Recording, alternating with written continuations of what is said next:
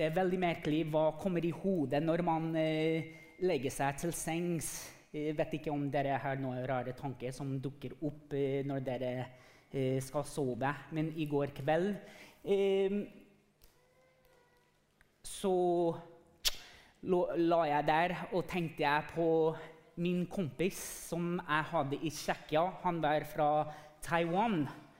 Og han fortalte meg og Hanne en gang eh, hvor streng foreldrene hans var når de skulle spise middag. Eller eh, hvilket som helst måltid, egentlig. Eh, og han begynte å fortelle oss at hver eneste gang vi tok tigg eller skulle spise noe, så må vi tygge 30 ganger før vi skulle svelge maten. Og det hadde noe å gjøre med hvordan det gikk i magen og sånne ting. Men jeg tenkte liksom Herlighet. Eh, liksom Satt dem der og telte hvor mange ganger dere liksom tyga. Og sånn, ja, det gjorde de. Og når jeg la der i går kveld, tenkte jeg det er faktisk et godt bilde når det gjelder Guds ord og hva vi skal eh, snakke om her i dag. Fordi Når du tar utgangspunkt eh, med det Jesus sier her med 'Tro ikke at jeg er kommet for å skape fred på jorden', nei. Man tenker 'wow'. Hva er det Jesus snakker om? Hvorfor sier han sånne ting? Fordi Hvis du leser videre, da er det sånn bombe på alle at Oi, kan jeg ikke elske mora mi? Kan jeg ikke gi faren min en høy plass i livet mitt? Alt vi hører om Jesus, var at han her kommer for å skape fred. Han her kommer for å gi oss fred i livet vårt. Men når vi leser det her, det er liksom tvert imot det vi har lært oss. Så jeg tenker det er så bra at vi får lese Guds ord, og vi får tyge litt på det. Vi får det inn i oss, og vi bruker tid for å snakke om hva Jesus mener med de vanskelige ting han sier. Så i dag eh, hopper vi rett inn i Guds ord, og vi leser fra Matteus kapittel 10. Og jeg må eh, si slutten av kapittel 9 så gir Jesus et kall, egentlig, ved å si at det er mye arbeid som skal gjøres i Guds rike, men det er så få folk som gir seg til det arbeidet. Og han ber Gud at vi skal få flere folk til å gå inn i det arbeidet Gud kaller oss til. Så da kommer vi til kapittel 10, og vi leser at Jesus har nettopp kalt det tolv av sine nærmeste venner, som vi kaller disipler, de som følger etter Jesus til seg. Og de tolv de er folk som er ledere for noen av de menighetene vi kommer til å lese om i apostlenes gjerninger i Bibelen. Og de er modne folk. De etablerer arbeid i Guds rike. Og i kapittel 10 kaller Jesus dem til seg for å sende dem ut for å gjøre hans arbeid. Og han forteller dem i starten av det kapitlet dere skal gå ut, dere skal forsyne mitt navn, dere skal helbrede folk, og dere skal vekke de døde. Det er liksom om Jesus skulle komme til oss og eh, si Hei, dere skal til nordmenn, fordi det er det de skulle gjøre i det kapitlet. De skulle ut til sine landsmenn. Så det ligner til at Jesus kommer til oss og sier Hei, alle dere skal ut til deres landsmenn og forsyne hvem jeg er. Fortelle folk. Frigjøre dem av syndene ved å fortelle at Jesus har kommet for akkurat den grunnen. Du skal helbrede folk, og du skal vekke folk fra døden. Jeg tror dere skjønner med en gang hvis vi skal gjøre det her iblant nordmenn, så møter vi motstand. Det er ikke så naturlig at man går rundt til andre nordmenn og begynner å forsyne evangeliet. Det er ikke så naturlig at du finner folk som ber for de døde folk. Men i Bibelen så er det veldig naturlig at folk søkte Guds kraft for å gjøre akkurat det. Det var veldig naturlig med Guds overnaturlige kraft for å se at folk var vekket fra døden. De var helbredet. Og det er her at vi må begynne å innse at Jesus han er så opptatt med at mennesker blir hel igjen. Og ifølge Jesus så er det bare ved å gi han høyeste plassen i livet at man kan bli hel, at man kan oppleve ekte liv. Og Jesus han bruker noen få vers for å forberede disiplene på at de kommer til å lide og bli forfulgt pga. budskapet de bar med seg fra by til by. Og det er her jeg vil ta utgangspunktet i dagens tema, som er For Gud høyeste plassen i livet ditt. For Gud høyeste plassen i menigheten, i familien. Og Jesus han, han vil ha et svar på akkurat dette spørsmålet. Og Derfor er det viktig at vi leser det som kommer før de få versene her. Slik at vi har kontekst og god teologi, gode, sunne tanker rundt hva Jesus sier, hvem han ønsker å bli til i livet vårt. Um, og siden vi snakker om kontekst, så vil jeg lese fra Matteus 10, vers 16 slik at vi får med oss starten av hva Jesus kommer til å si senere i teksten. Jesus fortsatte. Jeg sender dere som sauer iblant ulver. Vær derfor listige som slanger og troskyldige som duer. Jeg vil fokusere mest på uh, første parten av hva Jesus sier her. Fordi du tenker OK Jesus han har kalt disiplene. Kanskje de vet ikke helt hva han skal si til dem. Men det første ting han kommer til å si, er at dere er sauer iblant ulver. For et bilde. Fordi jeg tror alle her skjønner at sauer er egentlig mat for ulver. Og Jesus forbereder disiplene at det kommer til å bli en kamp her. Dere er noe helt annerledes enn hva verden er når du tilhører meg. Så når jeg sender dere ut, kan dere være klar for at dere møter motstand med det budskapet jeg har gitt dere, og hvordan dere skal livet leve. Leve livet. Han forbereder disiplene på at når man lever i ferd med Jesu budskap, vil det koste noe og fordi de trodde på Jesus og at han var Messias, den kostnaden kommer med sine utfordringer. De levde ikke av den samme standarden som de andre de bodde iblant. De har ikke gjort noe ulovlige de var snille, gode, trofaste mennesker som stilte opp iblant samfunnet for å ta vær på andre mennesker, men samtidig tilba bare Jesus. De fulgte etter alle de romerske lovene som var lovlige, men de tilba ikke keiseren. Og det satte seg ikke så godt med romerne. Det satte seg ikke så godt med de jødene, egentlig.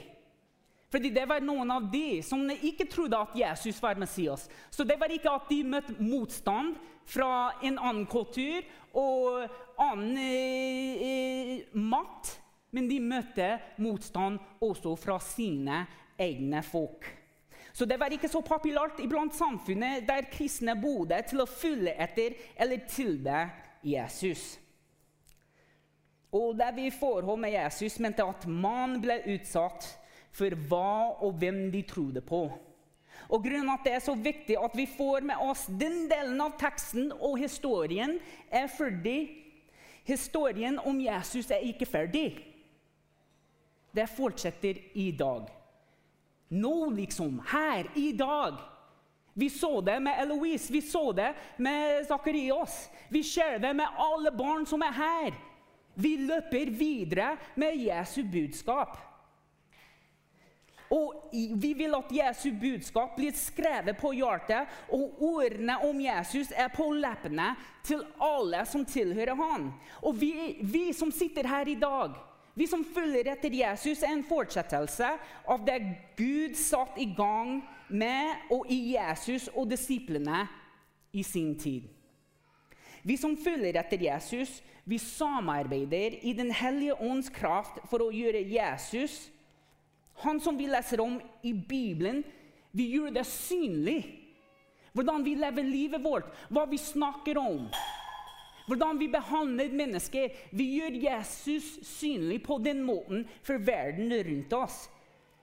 Når Jesus sa disiplene at de var sauer iblant ulver, så var de sanne ord i den tiden, og de ordene har like mye sannhet for oss i dag. Tenk på det.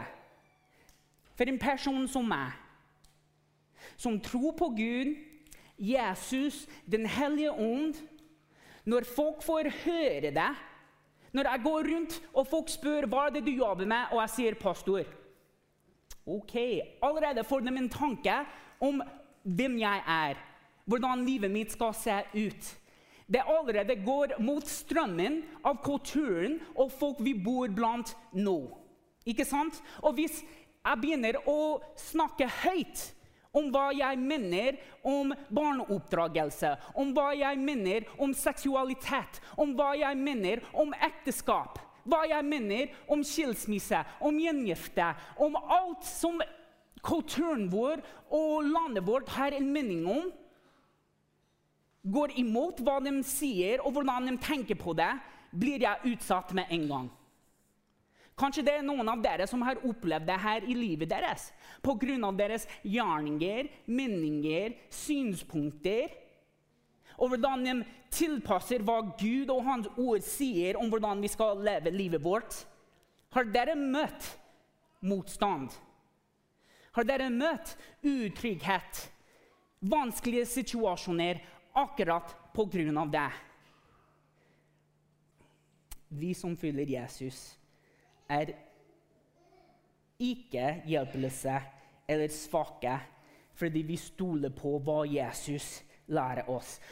Fordi vi stoler på Guds ord. Vi tror at Guds rike har kommet ned i Jesus, og at hvordan vi lever livet vårt i åndskraft, kan forvandle et mennesker, liv og hele verden, akkurat som Jesus og disiplene gjorde det i sin tid. Jesus selv og mange andre opplevde og opplever i verden i dag, faktisk, at man møter forfølgelse, til og med blir drept, fordi de tror på Guds rike og Guds ord og hvordan det kan og vil forvandle livet. Derfor sier han til de som følger etter ham, vær klær for kampen. Dere er sauer inn blant ulver. Og Det som er så bra med Jesus, er at han ikke gikk rundt eh, med lykkeøyne. Han lot som eh, alt, han lot ikke som alt var bra. Han lot ikke som at det ikke fantes noen vanskelige ting i livet. Han skjønte veldig godt konsekvensene av budskapet han forsynte. Han skjønte at budskapet han ville, eh, ville at andre skulle forsyne, kunne skape konfrontasjon.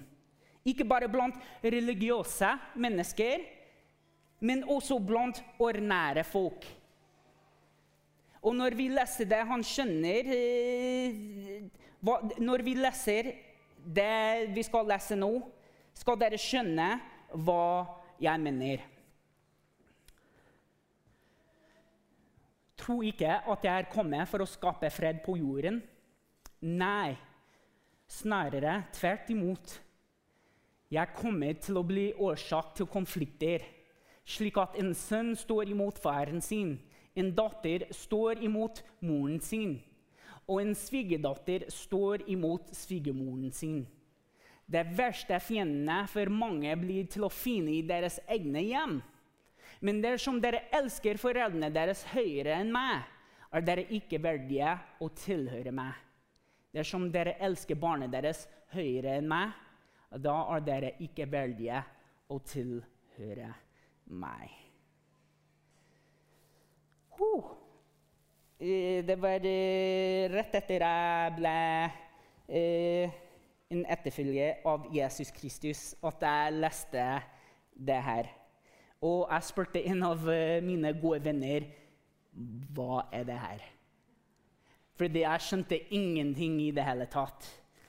Og da begynte han å forklare for meg hva Jesus sier her. Det er budskapet som Jesus kommer med. Og liksom overskriften egentlig for hele serien her om vanskelige utsagn som har å gjøre med Jesus, er at Jesus ønsker at vi skjønner at han skal komme først i livet vårt. Det går tilbake til forrige søndag, når Kirsti forsynte om at de døde skulle begrave sin døde. Jesus sier, 'Jeg kommer først, og alt etter det skal ordne seg.' Når vi følger etter Jesus, når vi eh, følger etter Guds ord, når vi tjener Gud, da skal alt begynne å bli åpenbart for oss i livet vårt, og hvorfor vi egentlig er skapt til å leve dette livet. Og hvordan vi kan gjøre det sammen med Gud og med hverandre. Og Jesu budskap det kan skape opprør. Men ikke fordi det er hans ord eller hans ønske å skape opprør. Det er fordi livet det kaller oss til å leve, kan være helt motsatt, til og med radikalt. I forhold til hva de andre tror at vi skal gjøre med livet, eller hva vi skal snakke om å gjøre. Så det vil si at det kan skape opprør på jobben, det kan skape opprør i familien, blant venner, til og med i samfunnet. Og konflikten kommer ikke pga. at man gjør noe galt eller feil. Konflikt og konfrontasjon Jesus snakker om her, eh, skjer fordi han forvandler mennesker og krever 100% forpliktelse og lojalitet.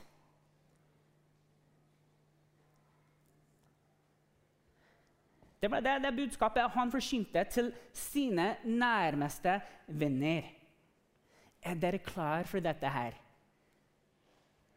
Fordi det er noen andre i familien, det er noen andre på jobb, det er samfunnet som kommer til å kreve at du skal tilhøre dem, at du skal gjøre hva de mener er greit. Men hvis dere virkelig følger etter meg, hvis dere virkelig har skrevet mine sannheter på hjertet Det vil si at du skal følge etter de ordene, de gjerninger, det jeg kaller dere til. Og det kommer til å skape konfrontasjon og konflikt blant de nærmeste du kjenner. Og Kirsti hun var inne på det forrige søndag når hun snakka om at Jesus vil ha første prioritet i livet. Og, og, hva skjedde i Norge etter Hans Nilsen Hauge gjorde det akkurat det.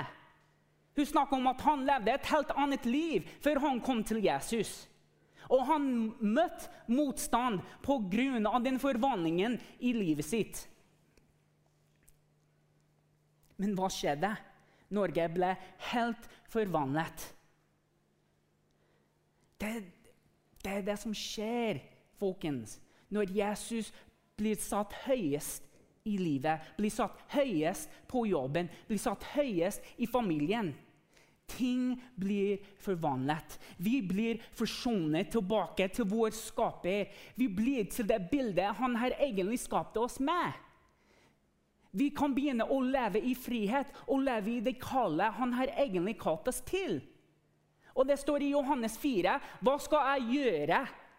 Hva skal jeg gjøre for å, bli, for å følge etter Jesus? Og det står der bare bekjenne navnet Jesus. Og jeg lover, når man begynner å gjøre det, det kommer frihet, men det kommer også motstand. Fordi Jesus er ikke av dette, eh, denne verden. Jesus kommer med noe annet og ønsker å frigjøre oss i akkurat det livet. Og det kan virkelig sette folk mot hverandre og traume med å bli eh, fornektet av foreldre og familien Kanskje miste jobben. venner pga. at du bekjenner navnet Jesus. Det er mange som har opplevd det. Mange i India, mange i Asia, mange i Kina, mange i Afrika.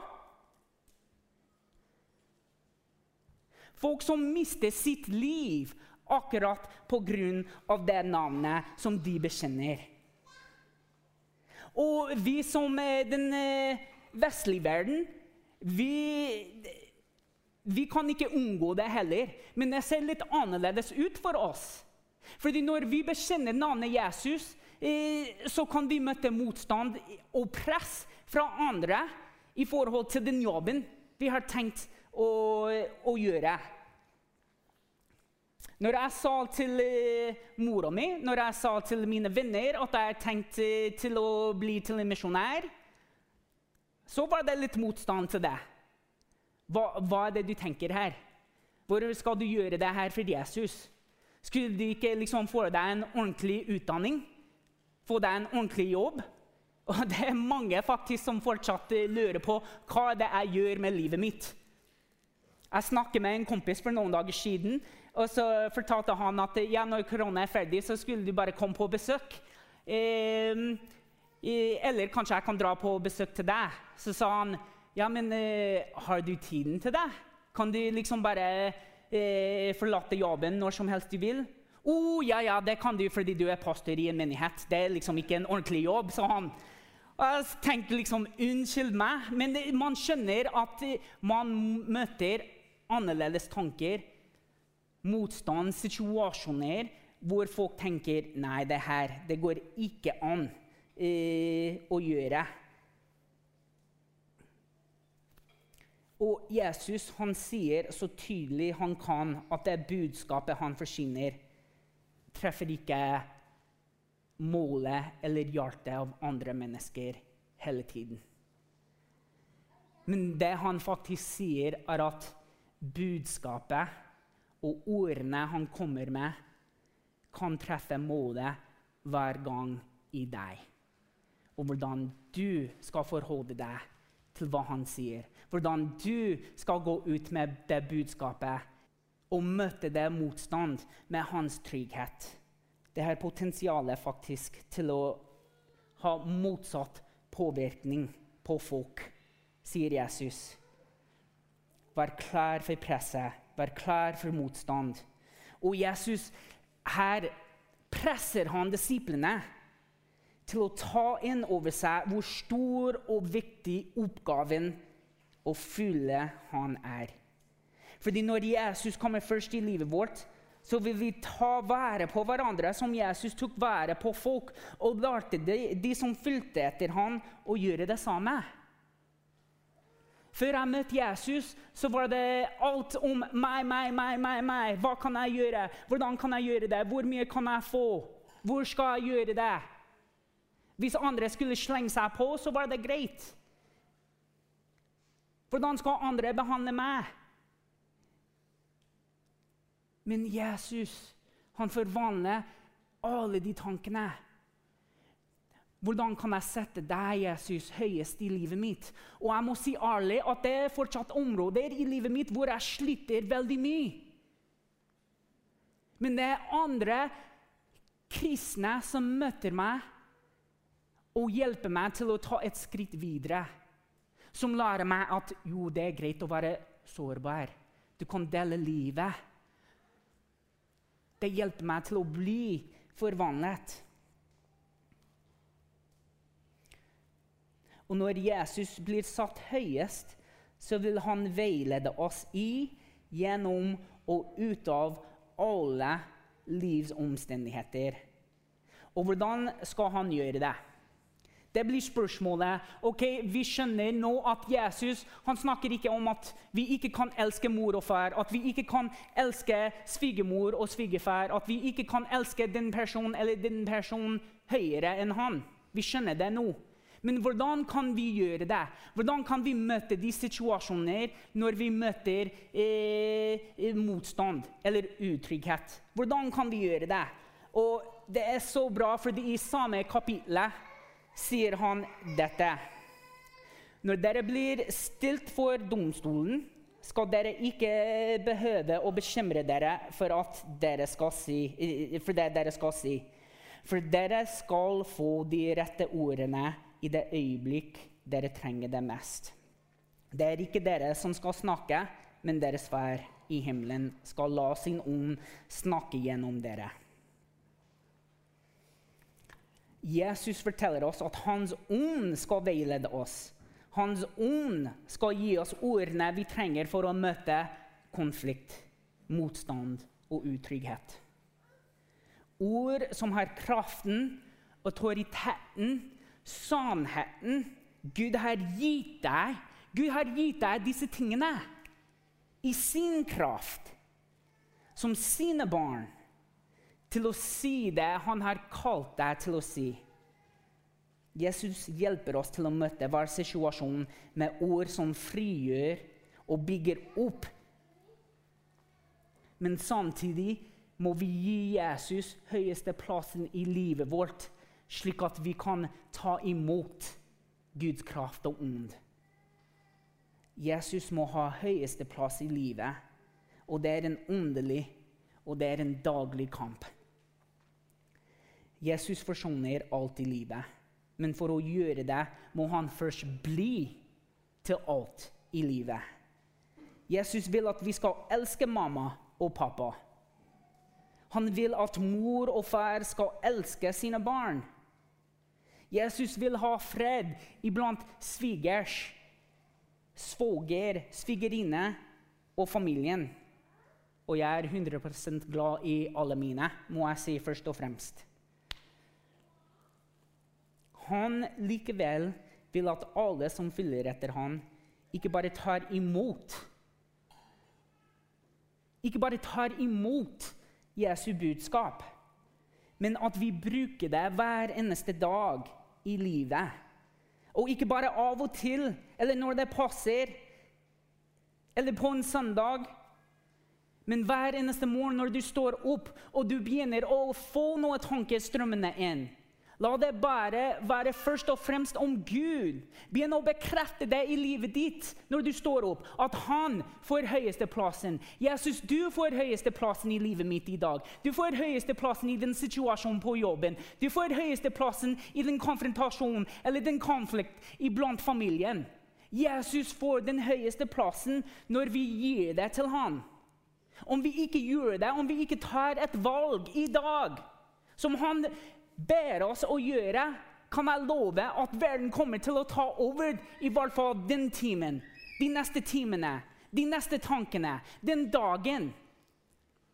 Vi bekrefter her i dag, jeg bekrefter over hver eneste av dere og deres liv at Gud får den høyeste plassen han fortjener i deres situasjon. Nå og i dag. Jesus ønske er til å gjenopprette og fornye mennesker og menneskers kjærlighet og barmhjertighet for hverandre og for Jesus. Det er han, Jesus, som gir mening til alt vi driver med. Det er han som åpenbarer hva ekte liv er, og det er han som styrer hvordan vi tenker, og hva vi gir vårt liv til. Det er så viktig at man ikke bare leser et par vers, eller tar imot et par vers fra folk som høres veldig fordømmende ut. Eller at du får et straff fra Gud fordi du holder på med sånn eller sånn eller sånn. Fordi Hvis vi leser bare det her uten å vite konteksten av hva Jesus snakker om, uten å vite at Jesus ønsker å forsone oss tilbake til han, da kan vi miste hele poenget. Er at Gud er en trofaste Gud. At Gud kaller oss tilbake til han. I ord, i gjerninger, fra korset og i oppstandelsen. Gud ønsker å bekrefte for dere her i dag at han elsker dere. Han ønsker dere tilbake. Og i hans ord har vi fred, i hans gjerninger har vi håp, og i hans menighet har vi en familie. kan vi opp og stå, og vi vil gjerne takke Gud og prise ham videre før vi avslutter møtet. Det er min bønn for oss her i dag at vi skal la Jesus få høyeste plassen i livet vårt. Gud, jeg ber at du skal få veilede oss i hvordan vi elsker våre familier. Gud, la din ånd få plass inn blant familiene våre. Vi ber deg inn i hverdagen, Jesus. La din kraft komme ned og over oss og arbeide inni oss og ut over andre mennesker. Vi ber Gud at du blir til det første prioritetet i livet, og la din ånd gi oss mot for å møte motstand, konflikt og utrygghet. Vi ber at kraften din og autoritet skal være i oss og beskytte oss. Gud hjelpe oss bli bedre til å tilbe deg med livet vårt hver dag. Gud hjelpe oss til å forstå at vi tilhører deg, og at du elsker oss. I Jesu navn. Amen.